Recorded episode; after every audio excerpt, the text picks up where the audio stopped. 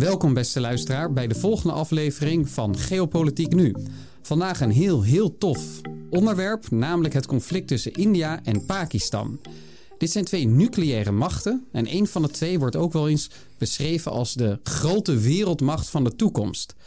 Toch staan deze twee landen heel, heel gespannen tegenover elkaar. En kan het uiteindelijk heel grote consequenties hebben voor zowel de wereld als voor Nederland. Rajiv, kun jij heel kort beschrijven wat de gevolgen mogelijk zijn van het conflict tussen India en Pakistan voor Nederland? Nou, specifiek voor Nederland. Uh, India en Pakistan hebben al vier oorlogen gehad. Dus ik kan me goed begrijpen dat mensen denken, ja, wat voor invloed heeft het voor ons? Al de vorige vier keer heeft het weinig impact gehad. Nou, de kans is groot dat Pakistan in de komende ja, vijf jaar uiteen zal vallen. Meerdere experts zeggen dat in het oosten en in het westen. Ja, wat dat betekent, heel kort, een burgeroorlog, het uiteenvallen van een land. Alla wat we in de Balkan hebben gezien in Europa. En dat zal hele grote migratiestromen naar Europa teweeg brengen. We hebben het gezien met Afghanistan, met Syrië. Nou, dat is dan een topje van de ijsberg vergeleken met Pakistan. Maar niet vergeten, daar wonen meer dan 200 miljoen mensen. En die krijgen dan ook een legale status om uh, in Europa te verblijven. Dus dat zal zeker voor Nederland grote gevolgen hebben. Grote gevolgen hebben, ja, mhm. inderdaad. Grote migratiestromen als Pakistan inderdaad uiteenvalt. Daarnaast natuurlijk ook hebben ze bij de nucleaire wapens en weet je niet welke kant dat opgaat. En kan het ook grote gevolgen hebben voor de uiteindelijke uh, wereldveiligheid. Ja, dat is bij de Sovjet-Unie, toen dat uit elkaar viel, hebben wij als de wereld geluk gehad dat uh, Amerika was, naar voren was getroond om ervoor te zorgen dat het goed ja, werd overgeheveld of veilig werd geplaatst. Maar ja, met Pakistan weet je niet hoe dat zal gaan. Nee. Uh, en ook met economisch. India werkt steeds meer samen met Europa, ook met Nederland op economisch gebied, maar ook op geopolitiek militair gebied, vooral met Frankrijk voor toegang tot de Indische Oceaan, de Oceanische Zee. Zeker, Suezkanaal, Oost-Middellandse Zee werken ze hecht samen. Mhm. Ofwel, het is een conflict dat op het wereldniveau beschouwd moet worden. Het heeft echt grote consequenties voor de wereld.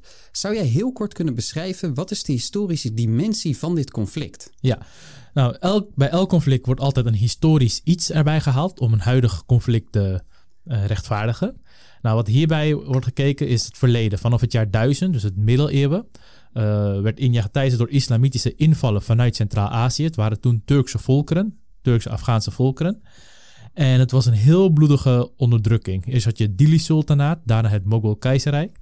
Maar het Dili-sultanaat, ja, dat kan je echt vergelijken met het IS, wat we laatst hebben gezien. En dat 300 jaar lang. Oké. Het Mogol-keizerrijk was iets milder, maar alsnog. Nou, en dat, dat, dit huidige conflict borduurt eigenlijk daarop voort. Uh, daardoor is er ook een grote moslimminderheid ontstaan in India, zeg maar voor de onafhankelijkheid. En na de onafhankelijkheid wilde een leider, Jinnah, die wilde graag een aparte staat voor moslims, Pakistan.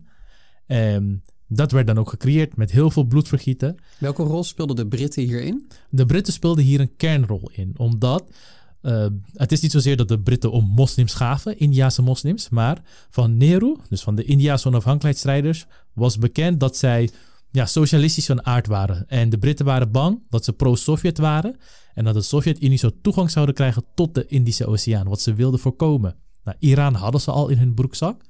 En China had aangegeven, geef ons een aparte staat voor moslims en wij zorgen ervoor dat de Sovjet-Unie geen toegang krijgt tot de Indische Oceaan. Als je namelijk even de kaart erbij pakt, dan zie je inderdaad dat Pakistan zit tegen Afghanistan aan. En zo, ja, en Afghanistan, de Sovjets hadden al in gedachten om dat ook uh, te veroveren. Later is er ook een oorlog geweest. Later is ook een oorlog geweest. Om zo te voorkomen dat ze toegang hebben tot de Indische Oceaan. Oké, helder. Dus in de afgelopen duizend jaar is India, het Indiase subcontinent, zowel Bangladesh als Pakistan, geteisterd geweest door islamitische uh, invallen vanuit Centraal-Azië. Zowel Delhi Sultanaat als de Mughals hebben geheerst over India. Mhm. Vanaf de 18e eeuw nemen de Britten het over. En ten tijde van de onafhankelijkheid, even voor de luisteraar, dat is in de jaren 40 en mondt uiteindelijk uit in 1947 tot de onafhankelijkheid van zowel India als Pakistan, zorgde voor verdeeldheid. En de Britten hadden baat bij verdeeldheid tussen de Indiërs, de Hindoes en de moslims, omdat zij zo konden voorkomen dat de Sovjet-Unie naar het, uh, de Indische Oceaan zou kunnen gaan. Inderdaad. Dus dat is in het kort de historische dimensie van dit conflict. Kun je heel kort aangeven waar dat in de decennia erna, dus vanaf de onafhankelijkheid tot nu, in heeft geresulteerd? Ik hoorde al vier oorlogen. Mhm. Kun je daar heel korte beschrijving van geven? Ook hier is ook geopolitiek van aard. Nou, heel kort, de, het afscheiden tussen India en Pakistan was bedoeld volgens China om toekomstige oorlogen te voorkomen. Namelijk de Hindoes krijgen hun eigen staat, de moslims krijgen hun eigen staat. Dus we leven gescheiden en daardoor is er vrede. Mhm. Maar er was een provincie in het noorden, Kashmir. En Pakistan wilde graag de provincie tot Pakistan hebben met als idee de meerderheid is islamitisch daar.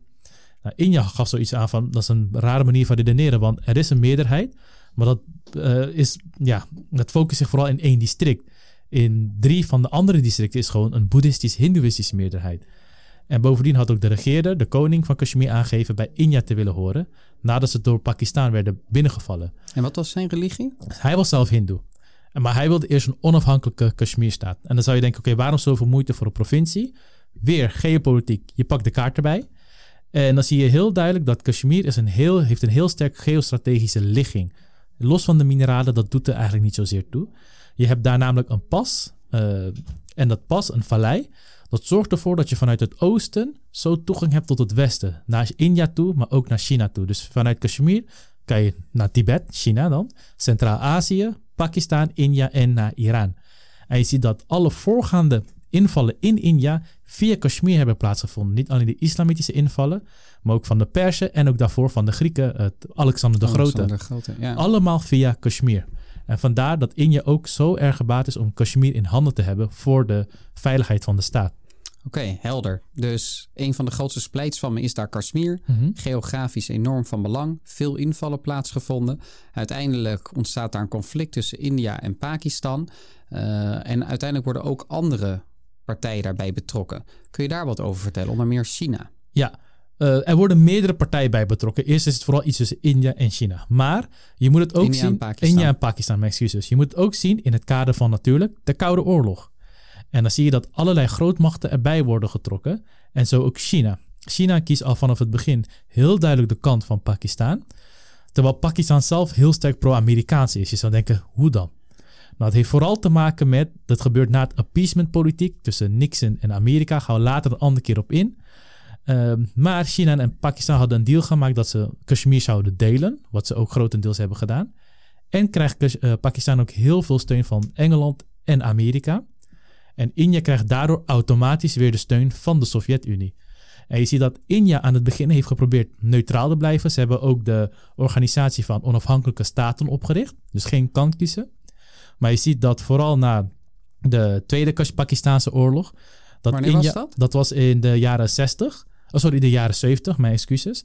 Dat India daardoor soort van gedwongen wordt de kant van Sovjet-Unie te kiezen. En hoe dat precies, gaan we in de uit, uh, uitgebreide podcast verder op in. Maar dat is even die dimensie daarna. Oké, conflict India-Pakistan vindt plaats ten tijde van de Koude Oorlog. Dus de twee grootmachten van dat moment, de Sovjet-Unie en de Verenigde Staten, worden daarbij betrokken. Verenigde Staten probeert hechter te worden met China en daarom kiezen zij samen de kant van Pakistan.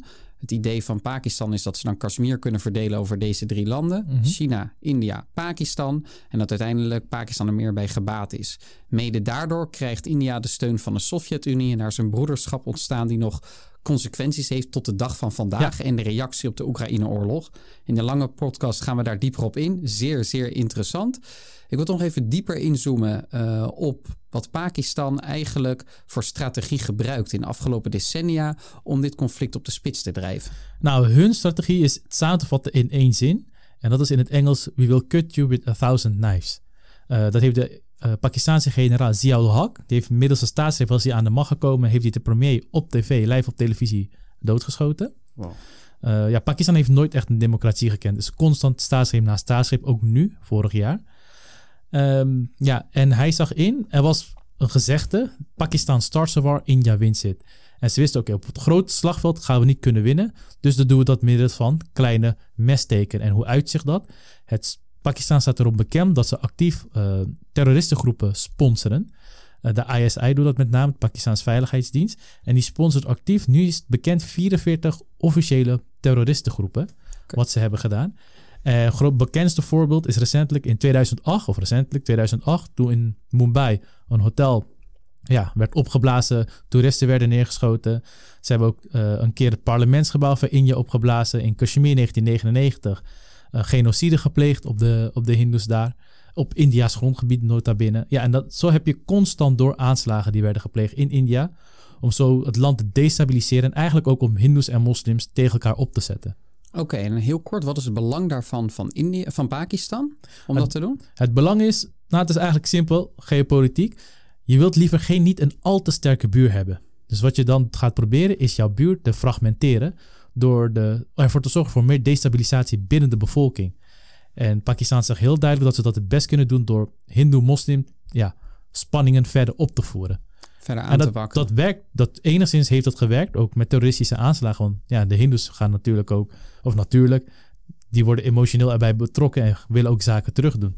Oké, dus ja. sinds de onafhankelijkheid hield Pakistan er een agressieve politiek op na. Dat uiteindelijk geleid heeft tot vier oorlogen.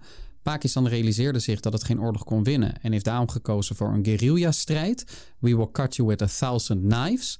En zogezegde proxygroepen die aanslagen plegen in India om het conflict op de spits te dreigen. Wellicht speelt het regimebelang van Pakistan hier ook een heel, heel grote rol in. Aangezien uh, die spanning uiteindelijk leidde tot meer steun voor het militaire dictatuur in Pakistan zelf. Rajiv, heel kort. Kun je uitleggen wat de rol is van Amerika in dit conflict en wat die rol in jouw ogen zou moeten zijn? Nou, de rol van Amerika, laten we zeggen, je hebt een voor 9-11 en een na 9-11. Voor 9-11 zie je heel duidelijk dat Amerika altijd de steun heeft gegeven aan Pakistan. Het hele Pakistaans wapenarsenaal is grotendeels van Amerika en een deel van China. En ook op uh, uh, VN-niveau hebben ze altijd steun gegeven aan Pakistan. Ook uh, ze hebben een vliegdekschip verstuurd naar India om India te bombarderen dat door de Sovjet-Unie werd tegengehouden. Nou, je ziet dat dus dat na 9-11 er een ja, verandering plaatsvindt. Omdat Amerika wil Taliban, de Afghanistan binnenvallen, maar dat was een Pakistaanse creatie. En daar zie je dat heel, dat was heel slim van India, dat zij toen heel snel zijn ingesprongen. Letterlijk naar Amerika zijn gegaan om Bush te ontmoeten. En eigenlijk volledige steun hebben verleend. En daar zie je eigenlijk de eerste ja, kentering in Amerika-India-relaties. En dat daar weer de vriendschap meer zijn gegroeid. En dat is steeds meer groeiende. Oké, ja. heel erg bedankt. Ik denk dat de relatie tussen India en Amerika een van de belangrijkste is voor de toekomst en hoe de wereldorde de komende 100, 200 jaar uit gaat komen te zien. Rajiv, heel hartelijk dank voor deze mhm. heldere uitleg. De luisteraars roep ik natuurlijk op om de langere podcast te beluisteren. En dan wil ik jullie heel hartelijk danken voor het afscheid nemen van jullie ongeïnformeerde zelf. Dankjewel.